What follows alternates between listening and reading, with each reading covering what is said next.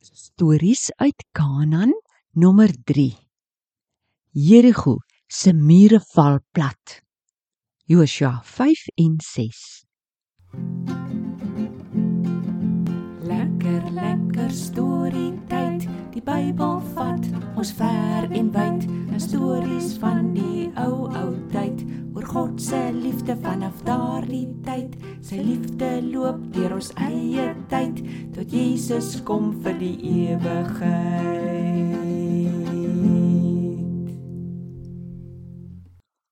Langs regs, langs regs, langs regs. Okay. Hallo Tobias. Maak jy? Hallo julle. Ek marcheer soos 'n soldaat, Tannie. Hm, ek hoor ja. Maar die leier sal nie die woord hokkai gebruik nie. Dis nie 'n weermag woord nie. O, ek sien. Doenaar, ek is nie 'n regte soldaat nie. Ek kan naar hokkai skree. Tobias, kan ek vandag 'n storie vertel oor Israel se soldate? Ja, ja, vertel, vertel.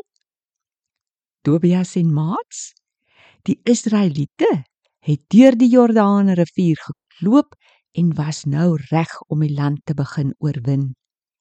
Maar eers moes hulle twee belangrike dinge doen om hulle self reg te kry.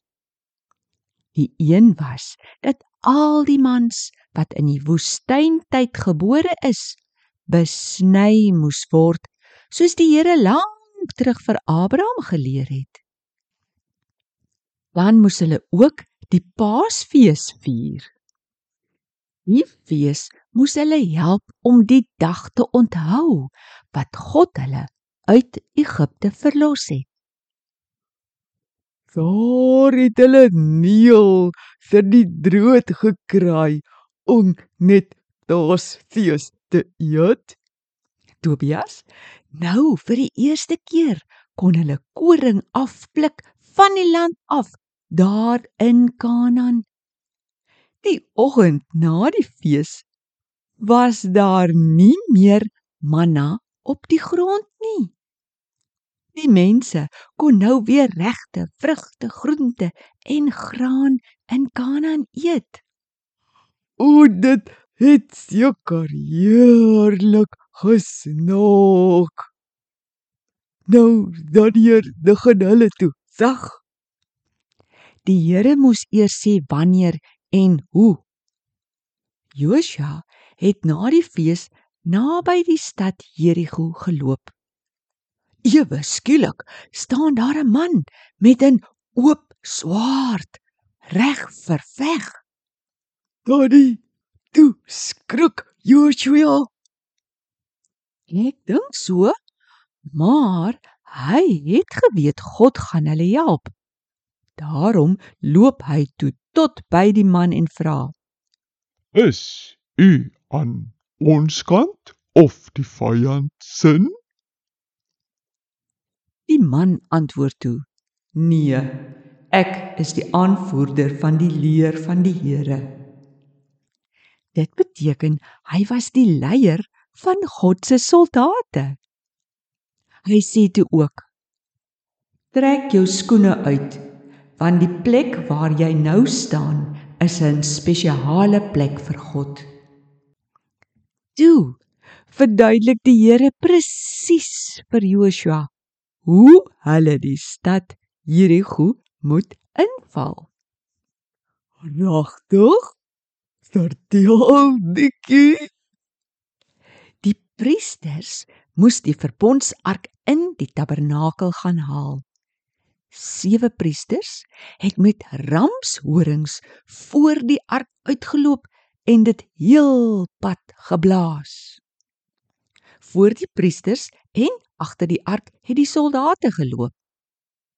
Die soldate was so stil soos muise en het nie 'n woord gepraat nie. Net hulle skoene het grus, grus, grus gemaak. So het hulle een keer rondom die sterk stad Jerigo gestap.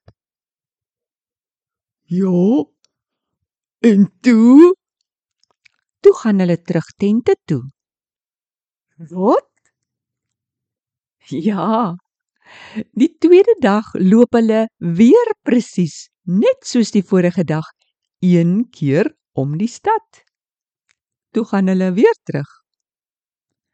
Dit het hulle vir 6 dae lank gedoen. 6 dae. Ha? Vriend.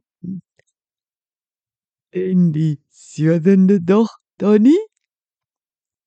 Julle Jerigo se hekke en deure was alles dig toegesluit want die mense van Kanaan was bewe bang vir die Israeliete. Die sewende dag het die Israeliete vroeg opgestaan net toe die lug so begin rooi word. Joshua het vir hulle gesê om mooi te luister wanneer die ramshorings 'n lang blaas gee. Dan moes hulle 'n oorlogskreet skreeu so hard soos hulle kan. God sal dan self die stad oopmaak. Hulle moes dan ingaan en alles en almal vernietig. Hulle moes net die yster, brons, silwer en goue goed na die Here se skatkis toe bring. Sjoe, dan nie. Julle hulle stap toe weer om die stad soos die vorige dae. Een keer, twee keer, drie keer, ses keer. Niemand praat nie. Toe hulle die sewende keer om is, blaas die ramshorings 'n lang blaas. Die manne skreeu: "Die Here gee die stad aan ons aan ons oor." En toe gebeur 'n vreeslike ding. Die stad se mure begin bewe en kraak. En daar val die hele dik sterk muur in mekaar. Elke soldaat klim toe boor die klomp klippe en gaan binne in die stad in. Hulle vernietig en verbrand toe alles behalwe dit wat na die tabernakel toe moes gaan. Joshua het gesê dat niemand ooit weer vir Jerigo mag oorbou nie. As iemand dit probeer, sal hy sy oudste en sy jongste seun verloor. Die stad was soos 'n offer vir die Here. Moes hulle regtig al nul vernietig dan nie? Nee, nie almal nie. Onthou julle dat iemand die twee manne wat Jerigo gaan bekyk het, weggesteek het toe die koning hulle gesoek het? Ek weet, ek weet, Ragab. Dis reg, Tobias. Joshua het vir die twee manne gesê om gou na Ragab se huis te hardloop waar die rooi tou hang. Hulle moes haar en al haar familie in haar huis uitbring en na 'n veilige plek toe vat. Regtig? So al das Ragab 'n sondige vrou. Het die Here gesien hoe sy sy mense help?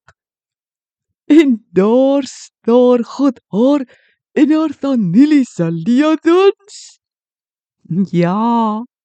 Sy en haar familie het God begin dien en deel geword van sy volk.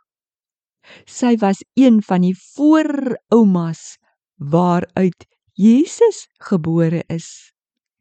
Is dit nie wonderlik nie? Sjoe, nots. Dat 'n storie. Dik sterk mure sal on. God sien dat 'n trou ter sy mense doen. Dis fantasties. Wonderlik. Daddy, moet ons nou al groet? Och, nee. Maar dankie vir hierdie mooi storie. Jericho sing hier sal in sal in. Totsiens nots. God doen dit. Ja, God doen dit.